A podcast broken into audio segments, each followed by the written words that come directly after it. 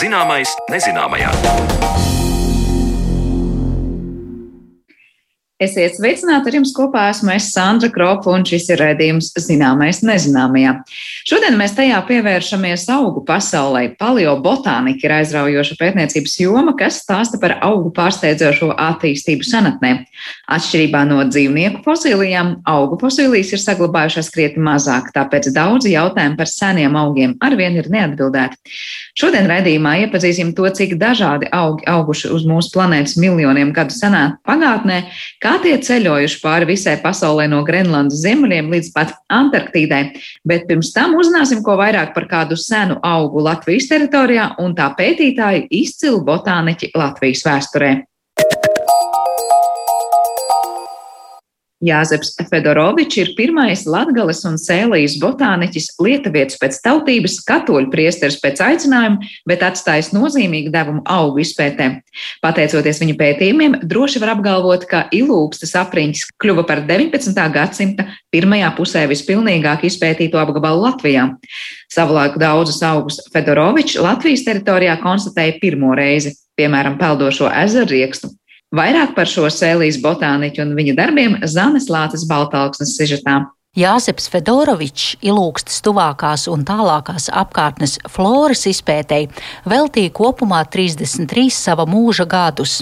Savus pētījumus Fedorovičs veids ciešā sadarbībā ar tā laika pazīstamākajiem Lietuvas botāniķiem. Tā par lietuviešu dabas pētnieku stāsta botāniķis Uvis Suško, kurš vairāku gadu laikā ir pētījis un vācis materiālus par Jāzepu Fedoroviču. Šis priesteris un dabas zinātņu skolotājs ir dzimis Žemaitijā 1777. gadā un 1810.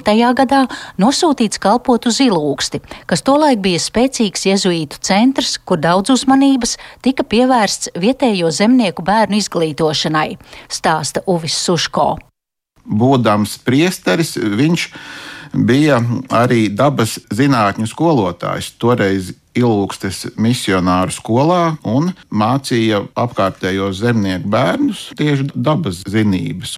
Viņš piederēja misionāru ordenim, arī saucu to par lācaristu ordeni, un viņi organizēja tieši izglītību vietējiem eh, zemniekiem. Tāds bija viņu aicinājums tautas izglītošanu. Un es domāju, ka viņš pēc aicinājuma bija nu, gan kā priesteris, gan arī viņam bija šī zinātniskā interese. Un šai laikā, sākot no 1818. līdz 1851. gadam, viņš paralēli saviem tiešajiem pienākumiem nodarbojās ar šo dabas izpēti, pētīja augus un no nu, ar kājām faktiski un ar pajūgiem izstaigāja gandrīz visu šo ilūgstes apriņķi toreizējo un vēl latgali, un vēl nedaudz arī Lietuvā un Baltkrievijā netālu no tagadējās robežas viņš ceļoja vāgdams augus un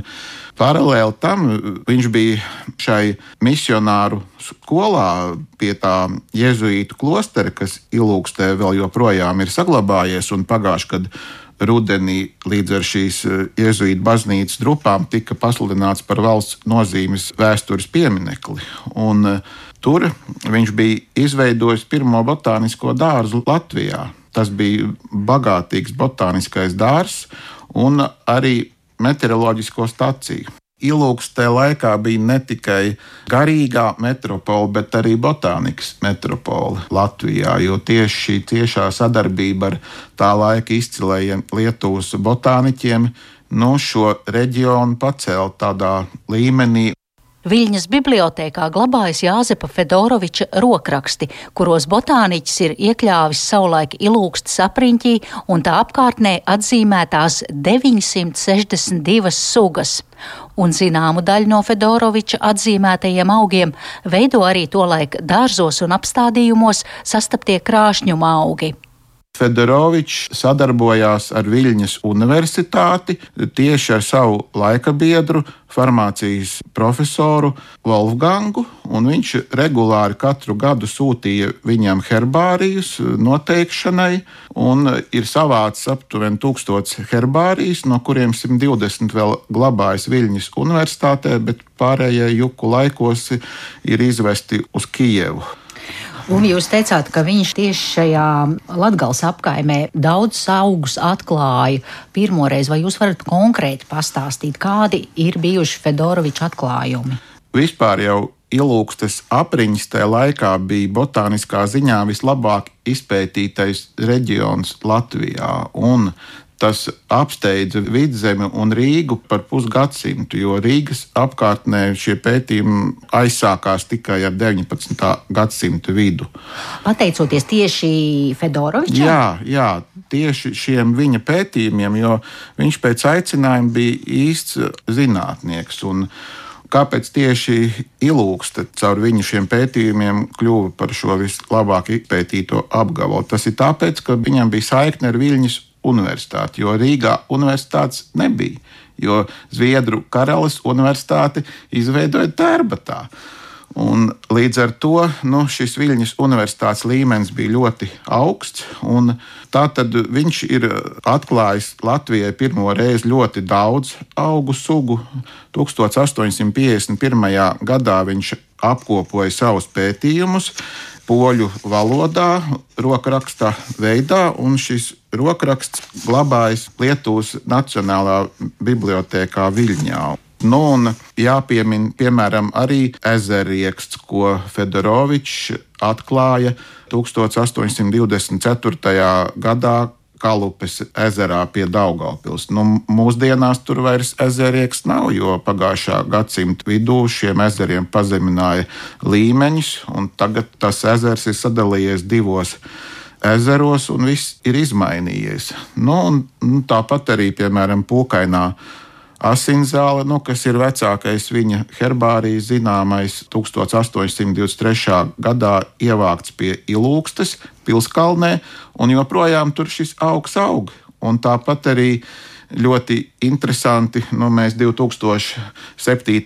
gadā ar Latvijas botāniķu biedrību apsakojām toreizējo Daugopils rajonu, meklējami šos retos augus Pie vietas ir tādi kalvānu kapi, kur Fedorovičs 1833.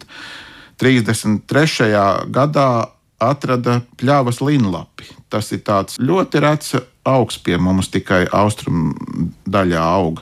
Un mēs šo augu tur atradām atkārtoti. Runājot par ezerriekstu, retu un aizsargājamu ūdensaugu, kas agrāk pirms vairākiem gadu tūkstošiem bijis plaši izplatīts augs Latvijas teritorijā un kura augļus akmens un bronzas laikmetā cilvēki ir lietojuši uzturā. Tad lūk par šo ezerriekstu ir saglabājusies sarakste starp Jāzipu Fedoroviču un Kalkūnu mūžas īpašnieku Hamilkāru Felkerzāmu. Par to turpina Uvis Suško. Viņš jau sadarbojās arī ar tā laika inteliģenci, ar mužniekiem, ieinteresētiem, kas viņam ziņoja par retiem augiem, un citreiz arī sūtīja herbārijas, tāpat arī ar citiem katoļu priesteriem, arī nu, no Latgales. Un e, vienā vēstulē, nu, kad viņš atrada šo ezeriekstu Kalupes ezerā, pēc tam viņš raksta šim kalkūnu mužniekam, Felkerzāmam, ka viņš ir atradis šo ezeriekstu un tad nosūtījis viņam šos riekstus ar zirgu pastu, jo Felkerzāms šos riekstus grib iestādīt savā ezerā pie birkineļiem. Un tā arī bija izdarīts. Jo 70. gados dabas un vēstures kalendārā parādījās tāda ziņa, ka pie Daugopils augot ezerieksts. Un tas ir tieši Pie birkineļiem ir tāds neliels birkineļu ezers, kas ietilpa šī Felkerzām īpašumos, Lauces upes kreisajā krastā, un tur arī viņš šo ezeriekstu bija iestādījis. Un acīm redzot, līdz tiem laikiem viņš tur auga. Bet, diemžēl, 70. gada otrajā pusē tur tika veikta melirācija, pat varbūt ātrāk. Līdz ar to ezera līmenis tika pazemināts, un tajos ezeros, kas ir seklāki, varbūt pat 3, pat 2,5 metri, nu, pie mums ezerieksti neaug vairs. Tā ezera režīms viņiem tad neatbilst vairs. Bet šis fakts ir. Es tur arī vairākas reizes biju pārbaudījis, bet droši vien, nu, ka Duņā šīs ezeriekstu augļus varētu atrast, jo tie jau saglabājas tūkstošiem gadu. Jūs minējāt, ka Fedoroviča darbi glabājas šobrīd Nacionālā bibliotekā Viļņā. Vai Latvijā kaut kas ir no viņa devuma, kur saglabāts? Latvijā nav. Nu, ir šis viņa rokraksts Lietuvas Nacionālajā bibliotekā, kas glabājas, ko mēs atradām 1993. gada rudenī profesora Artūra Mauriņa aizgādniecībā. Nu, un, un tad arī ir šīs 11 vēstules, ko viņš ir rakstījis profesoram Volgangam, kas ir poļu valodā un ir ļoti interesants, jo sniedz tādu laikmeta ainu par dzīvi ilūkstē, nu vispār par tā laika dzīvi, par zinātniskiem sakariem.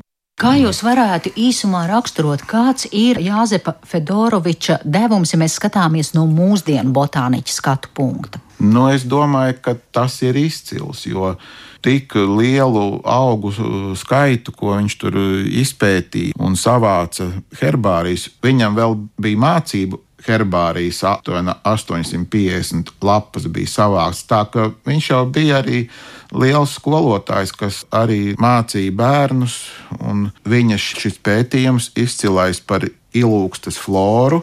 Tas noteikti ir jāpārtulko līdz galam un jāizdod mums. Un liela daļa to augu, kas tur minēti, mūsdienās jau Latvijā ir ļoti reti vai pat ir izzuduši. Tas un, pats ezerieks. Nu, jā, un toreiz šie augi tur auga visur, kur tā tad mēs redzam arī, kā šī bioloģiskā daudzveidība, viņa nu, ir noplicinājusies. Nu, un, Un tā mums ir ļoti precīza zinātniska liecība, ka toreiz viss bija savādāk.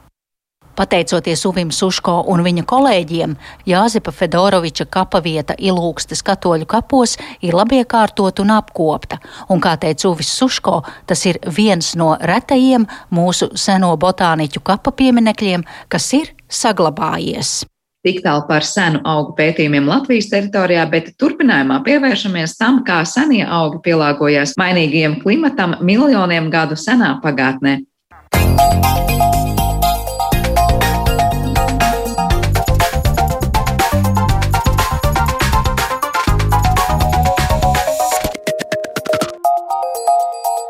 Zināmais nezināmajā. Mūsu planēta miljoniem gadu laikā piedzīvojusi gan mežonīgu karstumu viļņus, gan augstumu, gan dinozauru ēru, gan absolūtu iznīcību un visos šajos šķietami lēnajos un tomēr dinamiskajos apstākļos ir auguši augi. Krietni citādāk nekā tie, ko redzam šodien sev apkārt. Tad nu, turpmākajās minūtēs izzināsim senu augu attīstību dažādos vēstures periodos, un to mums palīdzēs izprast paleontologs Latvijas Universitātes profesors Ervīns Lukševičs. Labdien!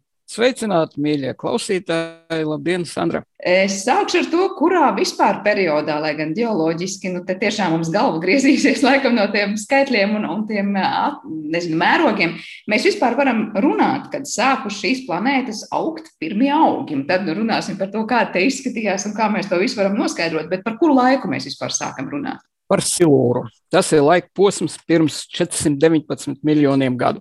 Ļoti precīzi pateikt, kad te pirmie augi radušies, ir visai grūti e, saprotamu iemeslu dēļ.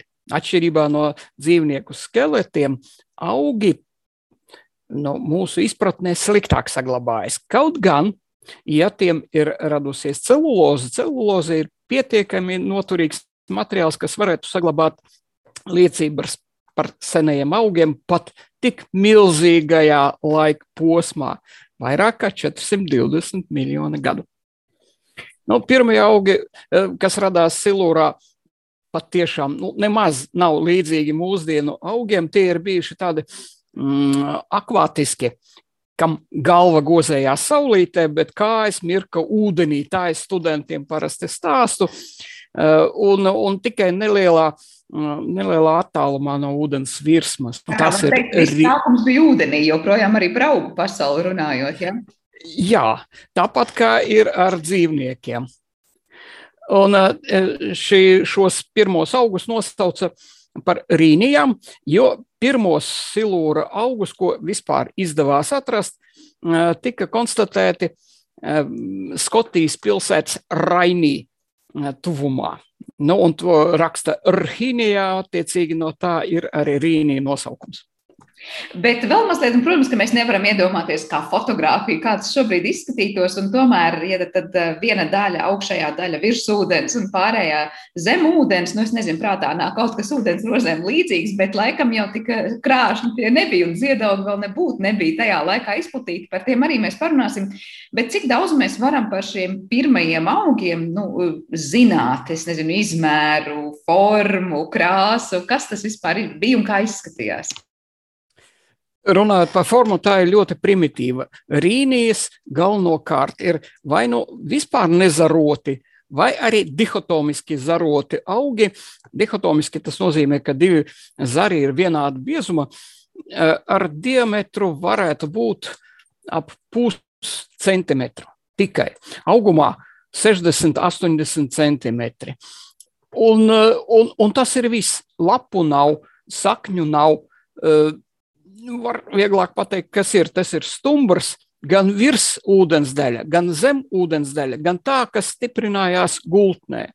Un vēl sporāngī vasu galos. Eh, par krāsu viennozīmīgi zaļa.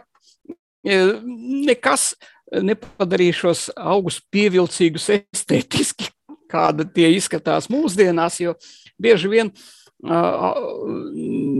ne lapu, bet pārējo orgānu krāsu nosaka bieži vien arī to funkciju, nu, piemēram, piesaistīt vai nu putnu vai kukaiņu uzmanību. Bet tā tas nebija ne silūrā, ne arī devonā un pat karbonā. Nē.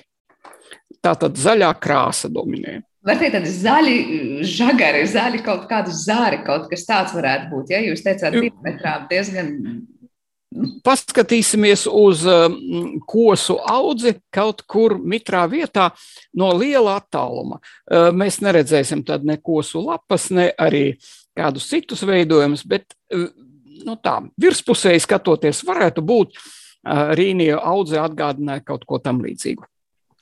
Kā ir tālākie attīstības posmi? Nu, tad mēs saprotam, ka tas ir laiks, kad ir tiešām ļoti primitīvi augi, tādi zaļi, stumbriņi, tādi, nu, var teikt, jā, nekas, nekas ļoti sarežģīts.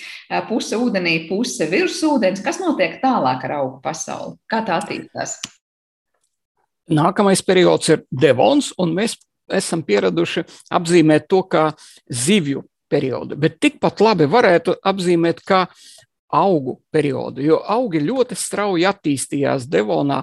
Tas ir laiks pirms 419 līdz 359 miljoniem gadu.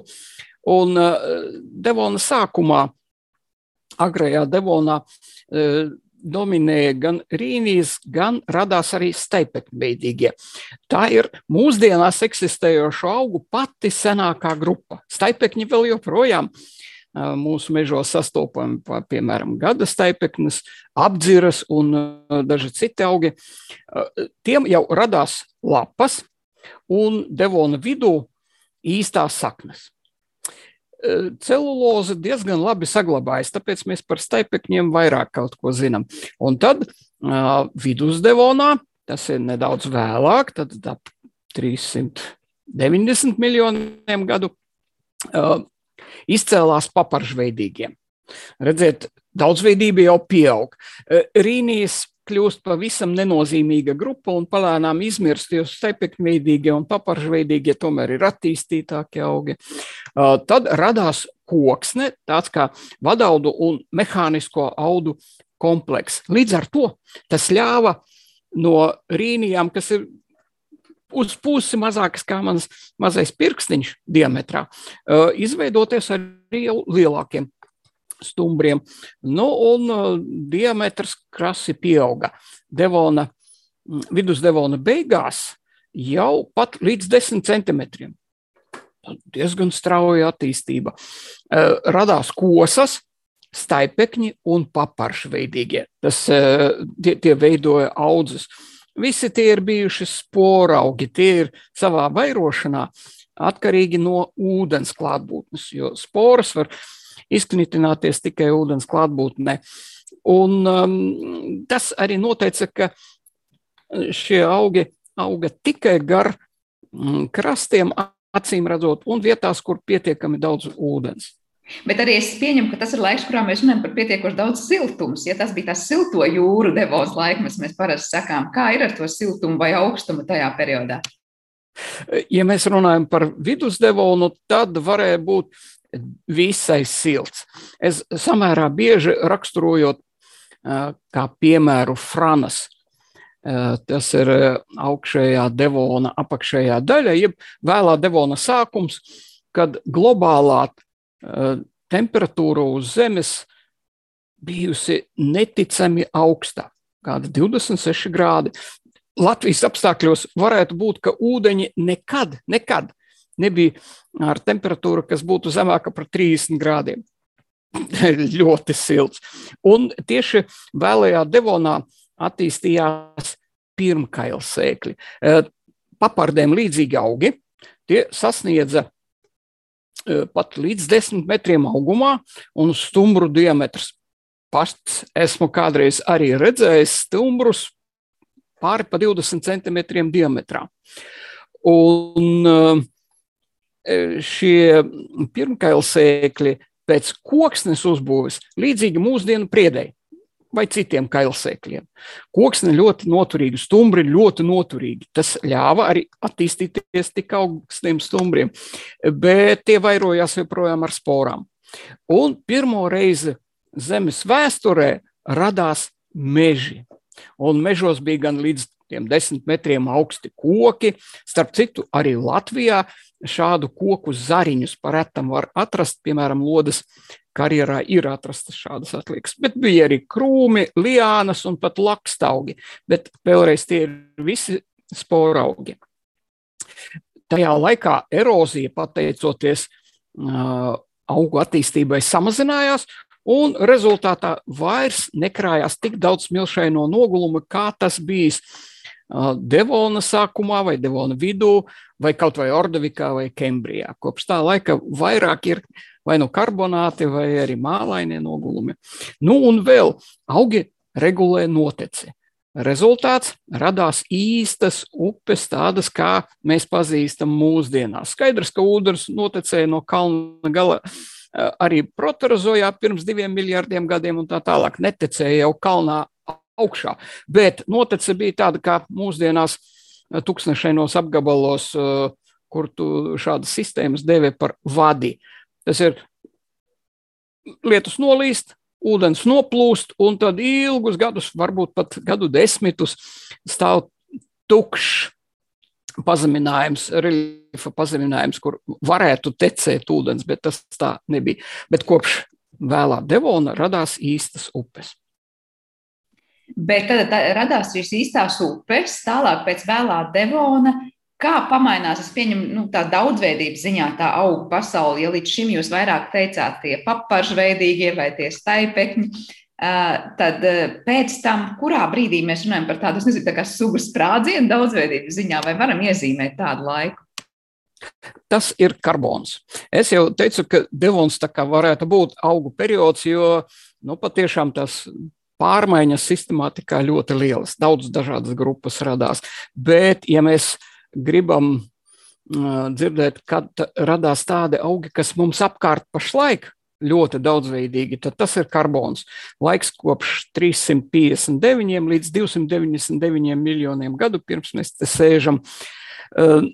Meži tajā laikā bija izplatīti vēl plašāk nekā Devonā, jo klimats kļuva labvēlīgāks, ne tik ļoti karsts, kā tas bija piemēram Devona vidū vai tuvāk beigām. Un uh, augi sasniedza vēl lielākus izmērus. Uh, tie ir bijuši gan kalamīti, kas atgādina gigantiskas kosas, apmēram 10 metri augumā, un nu, bieži vien stumbra diametrs arī ap 20 cm. Stabkoki tiešām atgādina stabus, jo stumbri kaili un lapotne tikai pašā augšā. Tie e, zvīņkoki tiem līdzīgi, tie ir visi staipekņveidīgie. Un arī lielas un mazas papardes. Bet Tad radās arī pirmie īstie kailsēkļi. Nu, tie gan neatgādina mūsdienu egli vai priedi, jo kordaīti, tie paši senākie kailsēkļi, bija ar 70 cm garām eliptiskām lapām, nu, atšķirīgi no mūsu, mums pierastajiem kailsēkļiem. Bet vai šis laiks ir tas, par kuru mēs varam teikt, nu, tajā laikā viss bija tiešām liels, tur 70 centimetrīgas lapas. Tas ir laiks, kad nu, nu, kopumā mēs varam teikt, jā, tie augi ir milzīgi, vai tā gluži nav? Ir, ir. Tieši, tas, tieši šis ir tas tāds, nu, gigantisko augu attīstības posms. Starp citu, tas arī nodrošināja ļoti augstu skābekļa saturu atmosfērā. Nu, tur gan palīdzēja arī aļģes jūrās un okeānos, bet skābekļa saturs pārsniedza 33% salīdzinot ar mūsdienu 21%. Tas ļāva attīstīties arī gigantiskiem posmkājiem, nu, piemēram, uh, spārei līdzīgs kukainis meganevra sasniedza pat 70 cm spārnu pletumā. Uh, kailsēkļi, salīdzinot ar sporaugiem, spēja eksistēt arī sausākos biotopos, vai ne? Jo tie savā attīstībā vairs nav tik cieši saistīti ar ūdeni. Un eh, tieši karbonā sākās masveida ogļu uzkrāšanās. Nu, pašas pasaulē sanākās ogles no augiem ir zināmas jau no devona beigām, bet tomēr tik daudz ogļu, kā karbonā neveidojās nekad. Lieta tāda, ka uh, karbonā eksistē lieli augi. Mēs jau vienojamies, ka tie ir bijuši gigantiski, līdz pat 30 metriem augumā, uh, ar lieliem stumbriem. Un uh, tiem ir lignīns koksnē. Tas nodrošina koksnes noturību, stumbri noturīgi, un otrkārt vaska kārtiņa, ko veido tāds eh, ļoti interesants polimērs, ko dēvē par suberīnu. Lūk, lignīns un suberīns ir ļoti grūti pārstrādājamas vielas. Baktērijas, sēnes un eh, kukaiņi, kas mūsdienās gādā par koksnes pārstrādi pēc atmiršanas, eh, vēl karbonā ar to netika galā. Un rezultātā pat ne tikai purvos, kā parasti mums stāsta, karbonā purvos uzkrājās kūdra un tā pārveidojas par oglēm. Bet īstenībā pat diezgan sausos apstākļos koki krustu šķērus sakrita, bet nebija neviens, kas varēja pārstrādāt. Nu, kā piemērs, lignīns. Ja lignīnu sadala, tad veidojas fenoli. Un tā ir diezgan, diezgan nepatīkama inde visiem dzīvniekiem. Un arī baktērijas un sēnes netika galā. Nu, pirmie, pirmās formas, ja pirmie organismi, kas iemācījās pārstrādāt, bija sēnes karbona beigās. Un tam dēļ permā ogļu ir mazāk nekā e, karbonā. Vēl viens mazs jautājums, vai par šī brīža akmeņoglēm mēs runājam kā par tā laika lieciniecēm, proti to, ko izrok no zemes dzīvēm, vai tas ir laiks, kad tās tur ir veidojušās, vai tas ir kaut kas daudz jaunāks? Tas atkarīgs no konkrētas vietas. Lieta tāda, ka process, ko mēs varētu dēvēt par ogļošanos, ir diezgan ilgstošs, un tas atkarīgs no tādiem faktoriem kā spiediens un temperatūra. Un, jo zem biezākas nogulu kārtas atradās, nu, sākotnēji tā ir bijusi kūdra jo ātrāk ogļošanās process norisinājās. Un, savukārt, jo plānāka kārta virsū, jo lēnāk šis process norisinās. Un, piemēram, Maskavas apkaimē perma kūdra pārveidojās tikai līdz brūnogļu stadijai. Savukārt, mēs zinām, ka akmeņu oglēm mēdz būt arī krietni jaunāks vecums, un tās veidojās pat pēc krīta bet pateicoties labvēlīgiem apstākļiem, jau pārveidojas par akmeņogliem. Eh, vēl runājot par karbona mežiem, jāpiezīmē vēl viena interesanta lieta, ka eh, zināmā mērā augi paši sev izraka kapu. Ko tas varētu nozīmēt? Lieta tāda, es jau minēju, ka skābekļa saturs atmosfērā pieauga. vienlaicīgi samazinājās ogliskābās gāzes saturs. Nu, tas ir loģiski, jo fotosintēzē iesaistīts ūdens un ogliskābā gāze. Ogliskābās gāzes saturs samazinās. Kāds rezultāts? Temperatūras, globālās temperatūras sāk samazināties. Un pašās karbona beigās attīstījās pamatīgi kontinentālajie apledojumi dienvidu kontinentos, pirmām kārtām Gondonā. Rezultāts ir tāds notikums, mm, atšķirībā no vulkāna izvirduma, tomēr tas ir izstiepts vairāku miljonu gadu garumā, bet tomēr, ko dēvē par karbona lietus mežu sabrukumu, jeb par kolapsu vēl dēvē.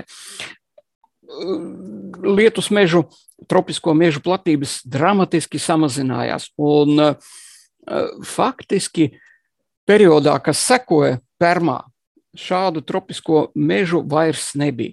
Meži mēdza būt šaurās joslās gar apledojuma malām, tā kā mūsdienās, piemēram, mēs varam novērot Jaunzēlandē, bet tur, tur jau nav kontinentāli apledojumi, tikai kalnu apledojumi.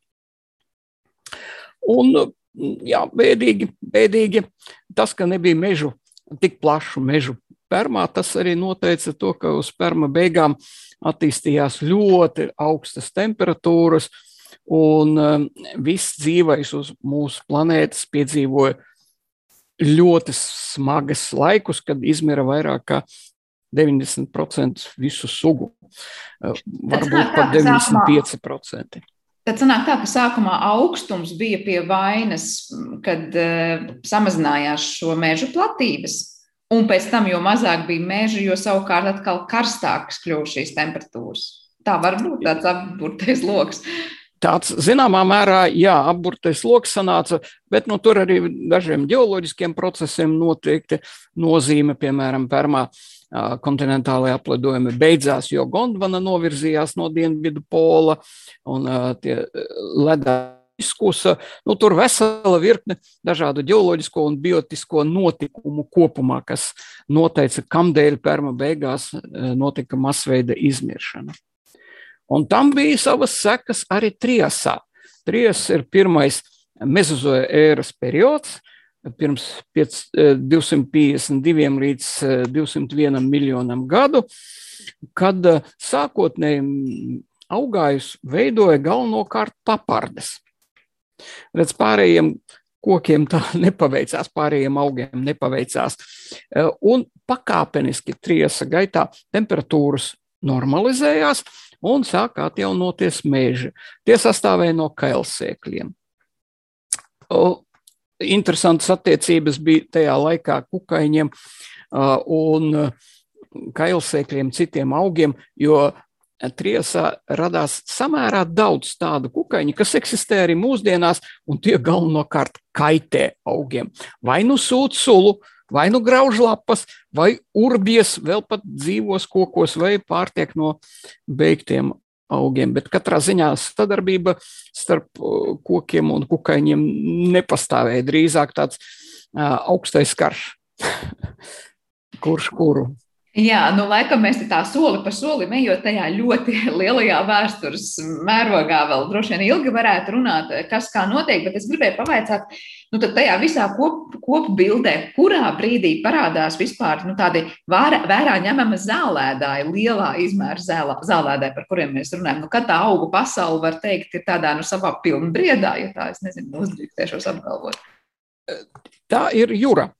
Nākamais periods pirms 201 līdz 145 miljoniem gadu, kad eh, nu, mēs varētu saukt šo laika posmu gan par kailsēkļu paradīzi, gan par dinozauru paradīzi.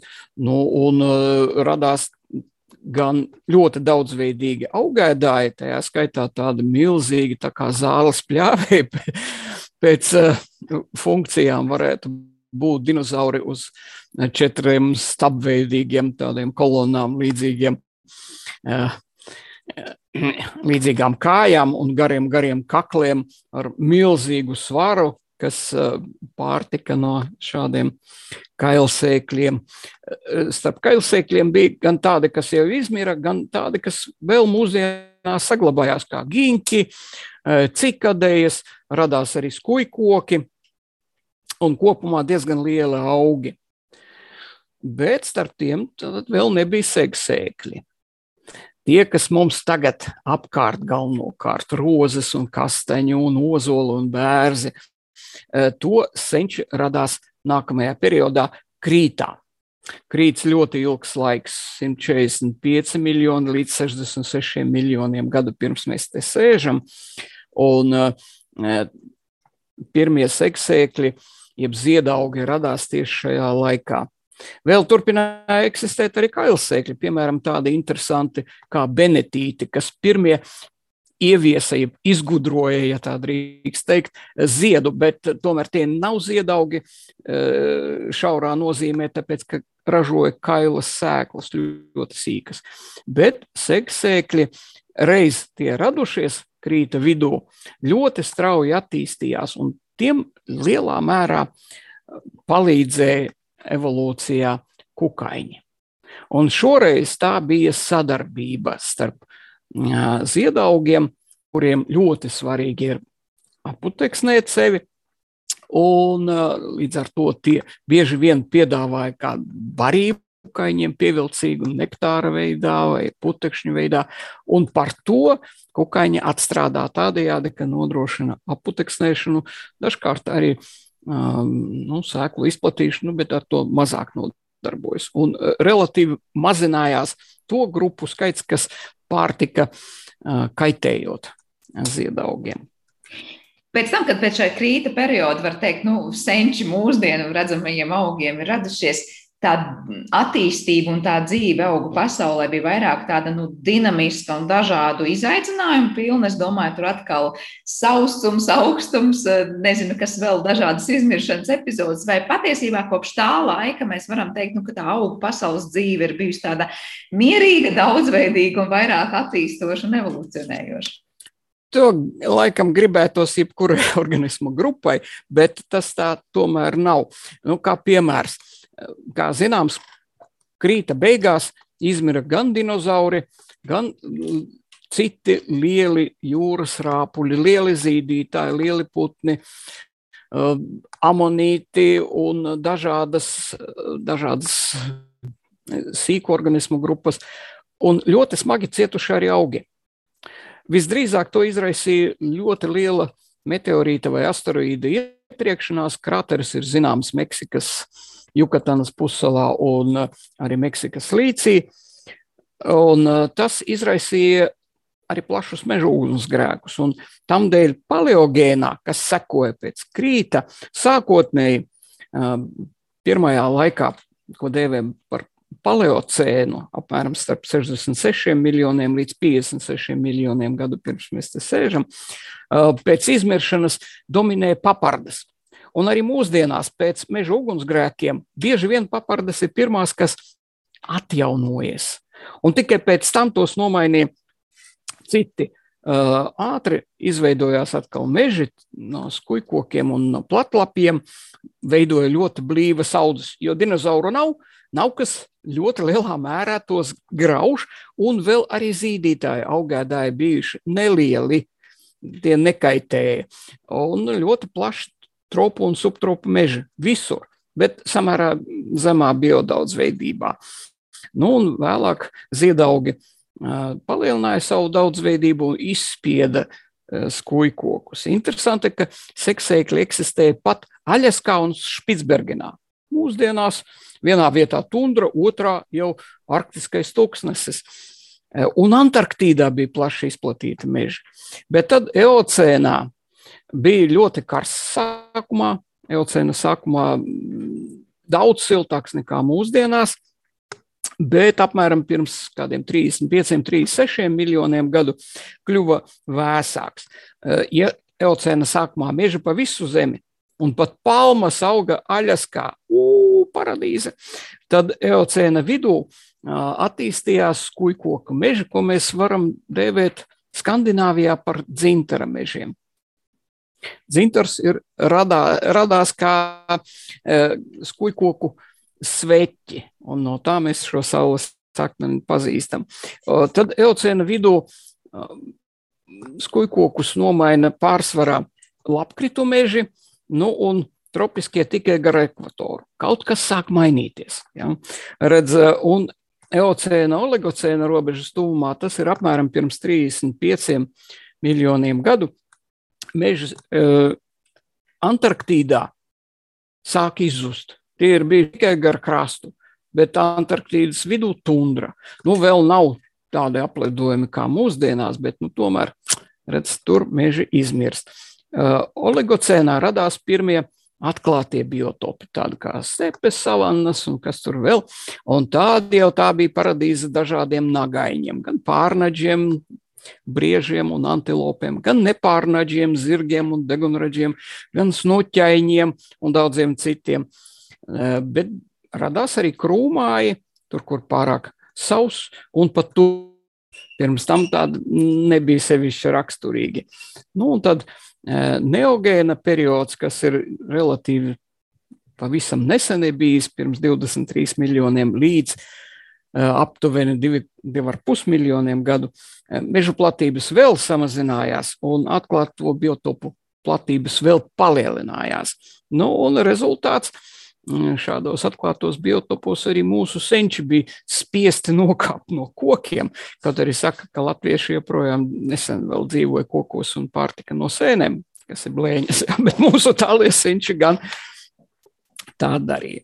Lūk, tāda ļoti sarežģīta vēsture augiem. Vienkārši neiespējamo izdarījuši. Var teikt, nepilnā pusstundā izskrējuši cauri tik ļoti daudziem miljoniem gadu, un eh, jūsos klausoties, man visu laiku likās, nu, tūlīt, tūlīt jau būs tas laiks, ka tepat, tepat kaut kas tā kā mūsdienās, vai te ir tepat mūsu tie šī brīža augu senči, un joprojām, cik klausies, tur daudz desmit miljonu gadu vēl, vēl pagātne un, un simtu miljonu gadu pagātne. Tā kā tiešām tas viss ir pārsteidzoši.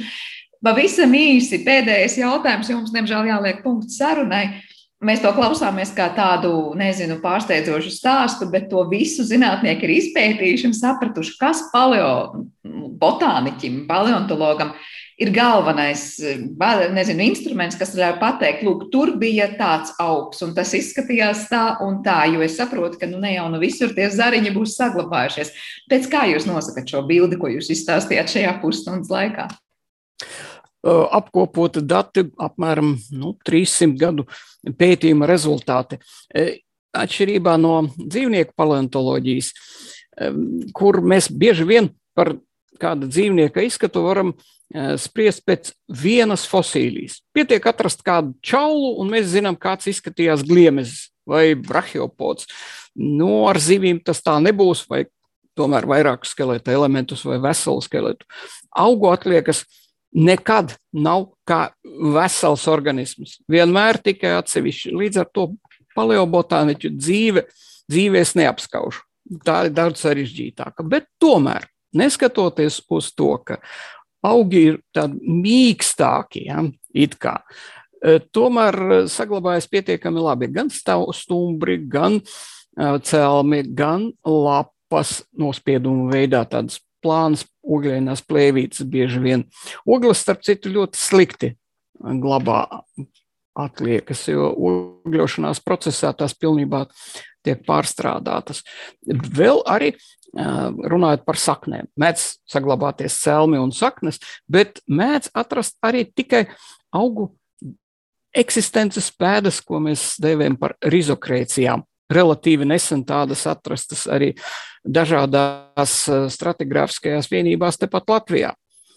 Es ar tādu mm, eh, neviltotu prieku pavisam nesen kopā ar kolēģi Girtu Stinkuli mēs atradām Ketleru svītas smilšakmeņos eh, sakņu struktūras pat līdz metram dziļumā, diametrā nelielas.